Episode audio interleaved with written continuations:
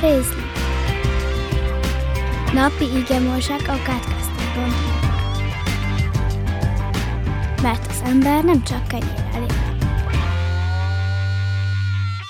Máté Evangélium a 13. fejezet, 47-től 52. versig.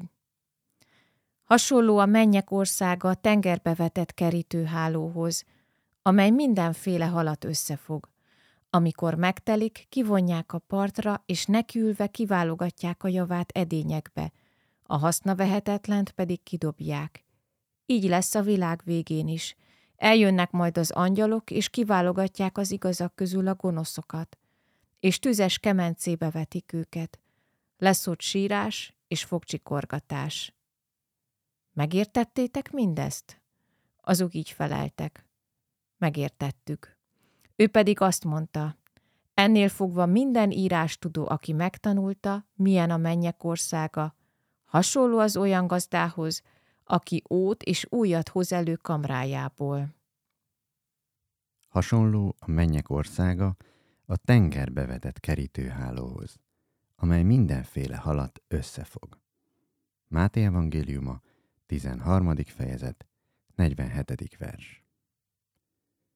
Communio Sanctorum. Szentek közössége. Legszívesebben már most megalapítanánk a mennyei szentek klubját.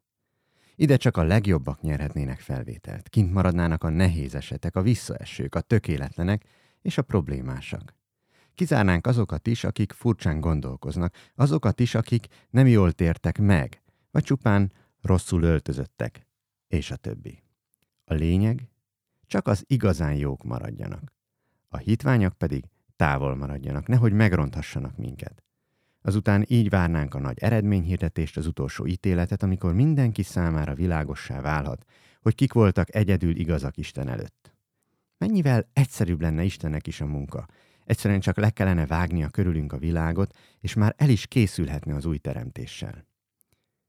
Ha magamra gondolok, akkor egyre hálásabb vagyok azért, hogy a szentek közössége inkább a kerítőhálóra hasonlít, mint sem klubra.